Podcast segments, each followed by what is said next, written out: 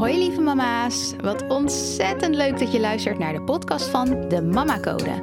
In deze podcast kan je rekenen op een wekelijkse waardevolle talk vol inspiratie, motivatie en eerlijk optimisme. Want daar kan je als moeder altijd wel een extra dosis van gebruiken.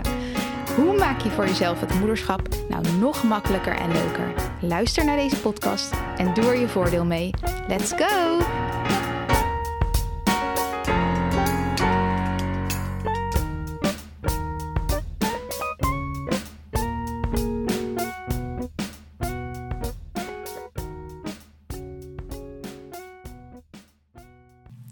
Lieve moeders, welkom in 2023. Dit is de eerste aflevering van 2023. Super grappig. Onlangs had ik een reel gepost op Instagram waarin ik deel wat ik alle moeders toewens voor 2023. En dat is zelfliefde. En daar wil ik hier wat dieper op ingaan vandaag. En dan ook heel praktisch hoe je dat in kan zetten in de vorm van self-care. En het is een populair woord geworden, self-care. Naar het Nederlands vertaald zelfzorg. Klinkt natuurlijk wat minder hip.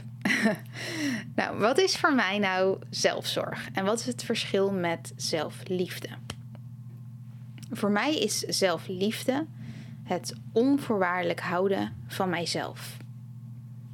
Niet alleen als ik shine, als alles goed gaat met me, maar juist ook als ik val als ik fouten maak, als ik voor uitdagingen kom te staan. Dat ik altijd kijk naar wat ik nodig heb en hoe ik dat aan mijzelf kan geven. En dat ik mijzelf niet shame als ik een situatie in een situatie niet gehandeld heb zoals ik zou willen. Maar dat ik mijzelf voed met positieve self-talk. Dat ik mijn waarde ken en dat die waarde niet fluctueert wanneer een ander persoon daar een andere gedachte over heeft. Dus heel kort gezegd, limitless, lief zijn voor jezelf. Goed voor jezelf zorgen, je eigen beste vriend zijn. Vaak helpt ook de vraag, hè, van wat zou je nu tegen je beste vriendin zeggen als zij in jouw situatie zat? Want we vaak, uh, vaak praten we uh, heel destructief tegen onszelf. We praten onszelf aan dat we iets niet kunnen. Dat we niet goed genoeg zijn, niet mooi genoeg, niet slim genoeg, niet slank genoeg. Voor mij is zelfliefde niet gekoppeld aan prestaties of aan uiterlijk. En we zijn geboren met een heleboel zelfliefde. Kijk maar eens naar je kinderen. Toen mijn oudste zoon uh, voor kerst een Spider-Man pak kreeg, dacht hij geen seconde na en hij gooide midden in de kamer zijn kerstwansie uit en zijn Spider-Man pak aan. En daarbij slaakte hij kreten van enthousiasme. En mijn schoonzus die vroeg aan hem: Mason, wil je even in de spiegel kijken hoe het staat? En zijn reactie was: Nee, ik heb toch net gezien hoe het pak eruit ziet. Echt heerlijk die mindset. Het pak is mooi en dus staat het mij ook mooi. En mijn jongste zoon, James, die ligt regelmatig in een deuk om zichzelf. Hij maakt op zijn manier echt al grapjes en daar heeft hij dan ook echt het grootste plezier om. Heel mooi om te zien. En hij vraagt zich niet af of anderen hem leuk vinden. Of anderen zijn grapjes grappig vinden. Hij vindt het leuk. Hij vindt zichzelf leuk. En we worden dus geboren met zelfliefde. We hebben dit van nature al. We worden niet geboren met onzekerheid, schaamte, downtalk naar jezelf. We zijn van nature heel vergevingsgezind en lief naar onszelf. We hebben onze eigen voorkeuren voor wat we mooi vinden en we dragen wat we willen dragen. Hoe vaak komt jouw kind niet naar beneden in de meest bijzondere combinaties van kleding? Of geeft hij of zij een kusje aan zichzelf in de spiegel? Ik weet niet of je het hoort, maar er ging vuurwerk hier af. Maar goed, ik, ik vind dat heerlijk dus. Ik vind dat echt heerlijk om te zien uh, dat, um, dat er ruimte is daarvoor. En ik geef ook die ruimte aan mijn kids. Om zichzelf daarin te zijn en te ontdekken. Ik vraag hun daarom bijvoorbeeld ook naar hun voorkeuren. Zodat ze zichzelf nog beter leren kennen. Wat vinden ze mooi? Wat vinden ze leuk? Wat vinden ze grappig? En dat niet over gaan nemen omdat een ander dat vindt. Dus ik zeg ook dingen tegen hun als: je mag zelf weten wat je mooi vindt. En mij boeit het bijvoorbeeld ook helemaal niet of ze spelen met jongens of met meiden speelgoed. Wat is jongens speelgoed, wat is meisjes speelgoed en wie bepaalt wat je leuk mag vinden? Dat bepaal jij helemaal zelf. En zelfzorg is voor mij ehm, dan weer een onderdeel van zelfliefde. En hoe dat vorm krijgt, dat is aan jou. Het is een manier die voor jou werkt om tot rust te komen. Om aandacht aan jezelf te besteden. Om uiting te geven aan wat jij leuk vindt om te doen, waar jij plezier uit haalt. Want je bent meer dan mama. Je bent meer dan moeder. Het moeder zijn is een rol. Iemands partner zijn is een rol. De functie die jij hebt bij je werkgever is een rol. Maar wie ben jij als persoon? Waar laat jij van op? Waar geniet je van? Dus als jij graag tijd voor jezelf indeelt met massages en gezichtsbehandelingen, be my guest. Ik vind dat persoonlijk heerlijk. Maar dat hoeft voor jou niet zo te zijn. Misschien vind jij het wel fijn om te koken, of om te wandelen, te kleuren, kleding te shoppen. Whatever rocks your boat. Waar laat jij van op? Waar haal jij plezier uit? Jij voelt het beste aan wat je graag wilt doen. En jij voelt het beste aan wanneer dit een goed moment daarvoor is. En toen ik mij had ziek gemeld op mijn werk, eh, toen er tijd, omdat ik compleet uitgeblust was en in een burn-out terecht kwam, toen heb ik direct de dokter gebeld om te kijken wat ik hier zelf aan kon doen. En zij heeft mij toen gekoppeld aan een soort praktijkcoach. Um, en daar heb ik een aantal hele zinvolle uh, afspraken mee gehad. Hele goede gesprekken mee gevoerd. En zo'n beetje de eerste vraag die zij mij stelde tijdens het eerste gesprek was: Waar haal jij nog plezier uit? En ik gaf antwoorden als: Nou, mijn kinderen, of lachen met mijn kinderen, spelen met mijn kinderen, uh, zien dat mijn kinderen plezier hebben, tijd doorbrengen met mijn kinderen. Want zij vroeg het een paar keer opnieuw en elke keer kwam ik daar eigenlijk weer op uit. En hoewel zij, mijn kinderen, dus nog altijd bij mij op nummer 1 staan in de funlijst. Echt, ik haal zoveel plezier uit het samen zijn met hun. Um, maar toch, daarnaast besef ik nu ook wel hoe belangrijk het is om naast het moederschap ook nog plezier te hebben. Hobby's. Om naast het moederschap op te laden. Om uiting te geven aan wat jij leuk vindt om te doen. Om tijd voor mezelf in te plannen. En om te cancelen waar ik geen plezier uit haal en ook niet bijdraagt aan een hoger doel. Maar zelfliefde en zelfzorg gaan voor mij hand in hand. Je moet genoeg van jezelf houden om te durven kiezen voor een leven naast je kids. En dat is misschien een gedurfde uitspraak, hè? dat besef ik. Maar dat is mijn waarheid. Het hoeft niet jouw waarheid te zijn. Ik vertel je wat mijn waarheid is. En voor mij hoeft het niet of-of te zijn. Het mag en-en zijn. Je hoeft jezelf niet compleet weg te cijferen. Dat is niet wat maakt of je een goede moeder bent of niet. Jouw kids genieten er ook van om mama te zien genieten. En het maakt ook dat zij dit later ook voor zichzelf zullen doen, ook voor zichzelf zullen gaan kiezen.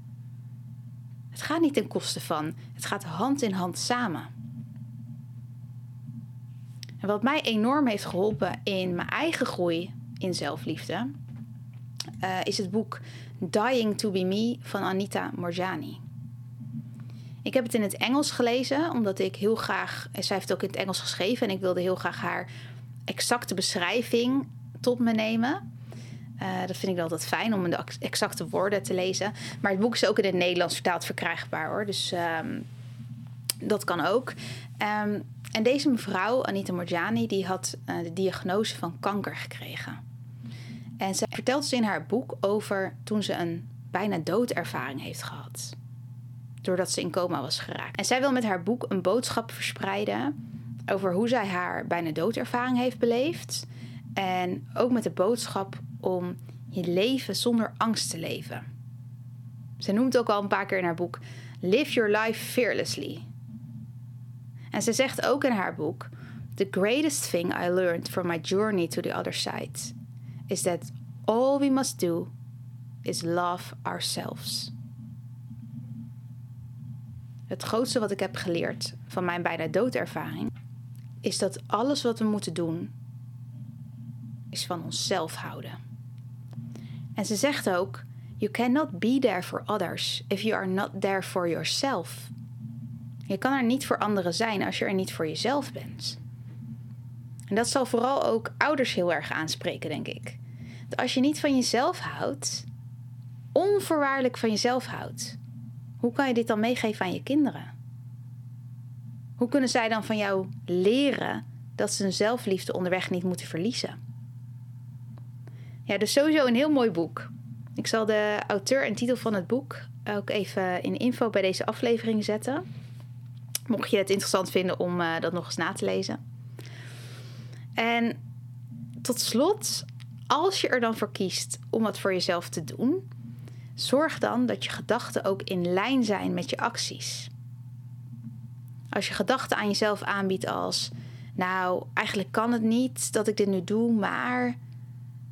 Of als je tijdens het moment dat je voor jezelf neemt alleen maar in je hoofd bezig bent met een boodschappenlijstje of met alle taakjes die je die dag nog moet doen, dan ben je natuurlijk niet echt aan het ontladen.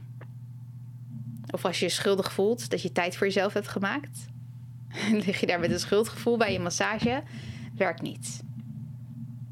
Maak het echt een leuk momentje voor jezelf. Een ontspannen moment, een oplaadmoment. Gun het jezelf. En weet dat je, als je dit voor jezelf doet, daarna je emmer weer wat leger is. En je dus ook meer ontspannen kan zijn in het moederschap.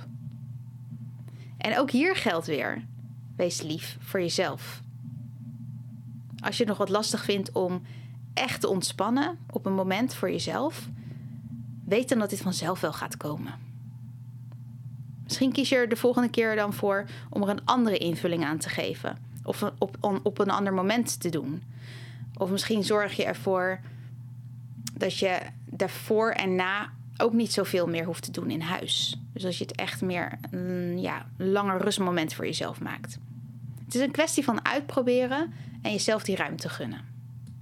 En zelfzorg zit hem natuurlijk in nog veel meer dingen dan puur echt momentjes prikken om wat voor jezelf te gaan doen. Maar ik weet dat veel moeders dat al lastig vinden. Om echt tijd voor zichzelf vrij te maken. Om echt keuzes te maken voor zichzelf daarin. En ik zelf vind het prettig om het direct in te plannen in mijn agenda.